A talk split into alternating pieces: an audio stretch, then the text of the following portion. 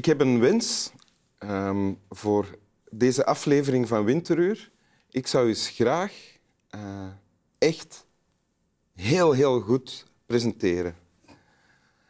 Ja, zonder fouten, zonder geklungel, to the point, zonder achteraf het gevoel te hebben van ah, ik had dat moeten vragen, ik heb daar een steek laten vallen. Dat zou ik eens echt heel graag meemaken. Wil u mij daarbij helpen? Ik zal dat graag doen. En dank u alvast daarvoor. Paul de Grauwe, welkom in Winteruur.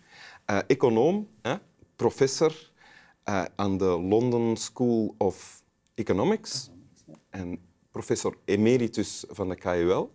U zegt het mee op. um, auteur natuurlijk ook van boeken die u dan zelf herwerkt en die dan telkens opnieuw worden uitgegeven, onder andere. Uh, en ook van nieuwe boeken. Uw laatste uh, werk heet... De, limieten van de markt. Ja, ja. ja. Maar daar gaan we nu, nu niet, ja, over gaan we hebben. niet over hebben. Nee. Uh, en zal ik het... Uh, nu hebt vier kleinkinderen ondertussen, Ja. hoewel u er nog maar uh, 58 uitziet. Uh, want dat is iets dat wij gemeenschappelijk hebben.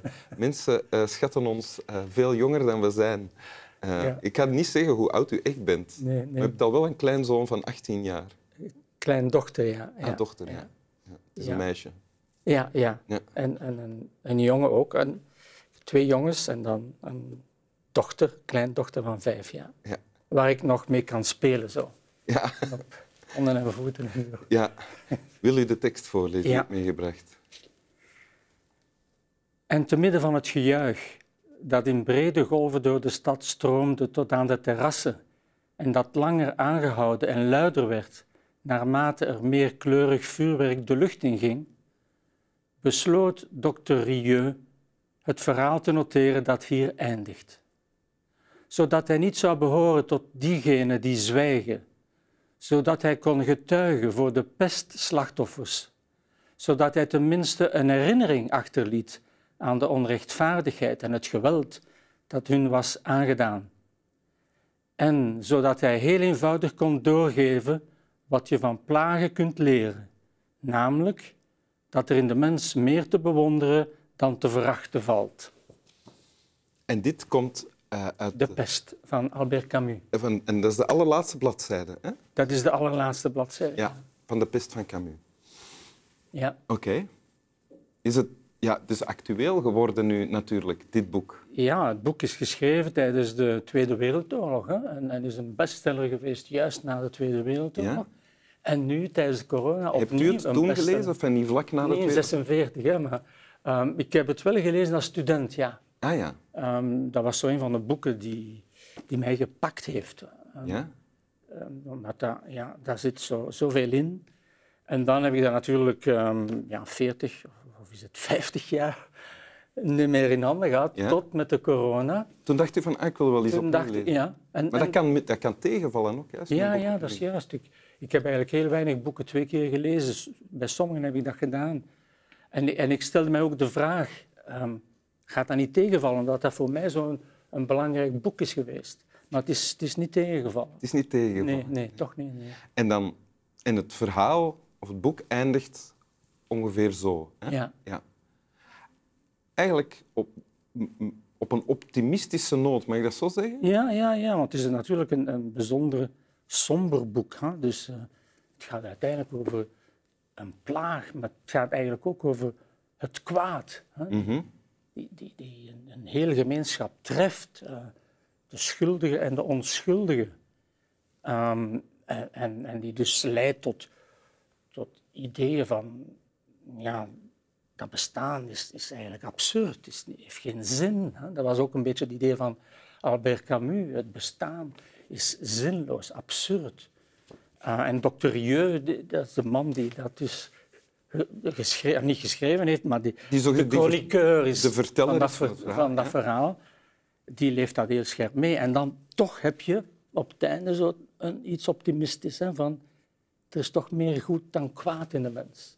Ja. En dat is toch speciaal. Dat heeft mij getroffen, want als je zo'n boek leest, dat, dat is toch buitengewoon ehm somber en, en je zou depressief worden bijna. Ja. En toch heb je daar een lichtje op het einde van.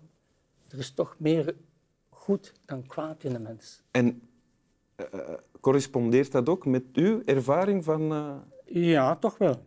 Ja, toch wel. Dus, dus zo, zo ben ik ook. Ik ben natuurlijk optimistisch, denk ik, van nature. En ja? zelfs als ik zo'n een somber boek lees, um, ga ik altijd proberen te zoeken naar de positieve elementen. En, en, en het, het leuke is dat je dat dan ook treft in dat boek. Ja, ja want het is ook wel dubbel natuurlijk. dit is het, het staat op de laatste pagina. Uh, dus eigenlijk is het, maar dit is eigenlijk hoe het verhaal begint ook. Hè? Ja, de dokter die beslist van ik ga wat er allemaal gebeurd is uh, opschrijven. Ja. En dat is dan eigenlijk een gruwelijk verhaal. Ja. Uh, zwaarmoedig, zwaar, donker. Uh, en de eindconclusie is van ja, is toch, zijn toch meer goede dan slechte mensen. Ja, en dat heeft veel te maken ook met de, de filosofie van Camus, hè, die, die uitgaat van die idee dat het, het bestaan, het leven eigenlijk zinloos is. Ja. Dus, zonder God is er geen zin, is, is er geen betekenis, het is absurd. Maar wat doet het daar dan mee? En, en, zijn idee is van, je moet je daar tegen verzetten. Tegen het kwaad. Hè? Ja. En rechtvaardigheid nastreven. En, en dat is wat die docteur dan ook doet. Zijn, zijn aanpak is heel pragmatisch, geen grote theorieën, maar gewoon proberen het leven van de mensen iets draaglijker te maken. Ja. En, en dan vind je um, zin in het leven. En, en, en nogal wat mensen rond hem in dit verhaal hadden ook die houding. Natuurlijk ook hele slechte mensen, hè, maar uiteindelijk. En ziet u zichzelf ook als econoom, vraag ik mij af? Want u bent wel ooit weggezet als een, als een liberale econoom. Hè, waarvan dan, die dan in het hok worden geplaatst van de, de minder menselijke of degene die minder aandacht hebben voor menselijkheid en zo. Dat is natuurlijk veel te eenvoudig, dat hok waar u ooit bent ingeplaatst. Ja, ja. Ja, dus ik, ik, ik ben altijd gevoelig geweest, denk ik, voor um, het welzijn uh, in de maatschappij. Natuurlijk, ik, ik ben ook geëvolueerd. En, en, en laat mij een voorbeeld geven. Toen ik jonger was, was het probleem van ongelijkheid voor mij geen groot probleem. Mm Ik geloofde dat uh, het economisch systeem vanzelf die ongelijkheid zou wegwerken, zou verminderen. En er bestonden daar theorieën over trouwens. En ook zelfs wat empirische evidentie die, die er scheen op te wijzen dat dat ook zo was, dat het kapitalisme um, evolueerde naar een toestand waarbij de ongelijkheid zou verminderen. Wel, nu de feiten hebben aangetoond dat dat niet waar is. Mhm. En dan heb ik gezegd, zoals Keynes ook zei, um, um, when the facts change, I change my mind, what do you do, sir? wanneer de feiten anders zijn, wanneer die veranderen, moet je je theorieën ook kunnen in vraag stellen. Dat heb ik dan ook gedaan. En dat heeft me wat geleid naar een, een, een, een nieuw soort analyse. Ehm, en, en dus waar, waar, dat natuurlijk meer belang krijgt. Ja. Ja, ja, want u bent als econoom verbonden aan universiteiten en uh, iemand die publiceert, ook een denker en als denker ook mee vormgever toch, van hoe het, het systeem waarin wij leven natuurlijk is uw rol niet, of de rol van al die mensen, maar u bent er, speelt daar wel een rol in, toch?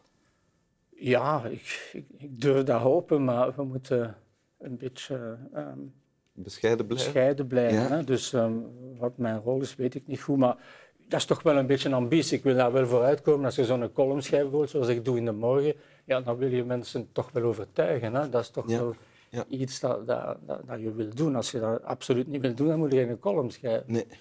Ja. Zoals ik doe, ik schrijf geen columns. ik heb niks om de mensen van te overtuigen. Wil je het nog eens lezen? Ja. En te midden van het gejuich dat in brede golven door de stad stroomde tot aan de terrassen, en dat langer aangehouden en luider werd naarmate er meer kleurig vuurwerk de lucht inging, besloot dokter Rieu het verhaal te noteren dat hier eindigt zodat hij niet zou behoren tot diegenen die zwijgen, zodat hij kon getuigen voor de pestslachtoffers, zodat hij tenminste een herinnering achterliet aan de onrechtvaardigheid en het geweld dat hun was aangedaan.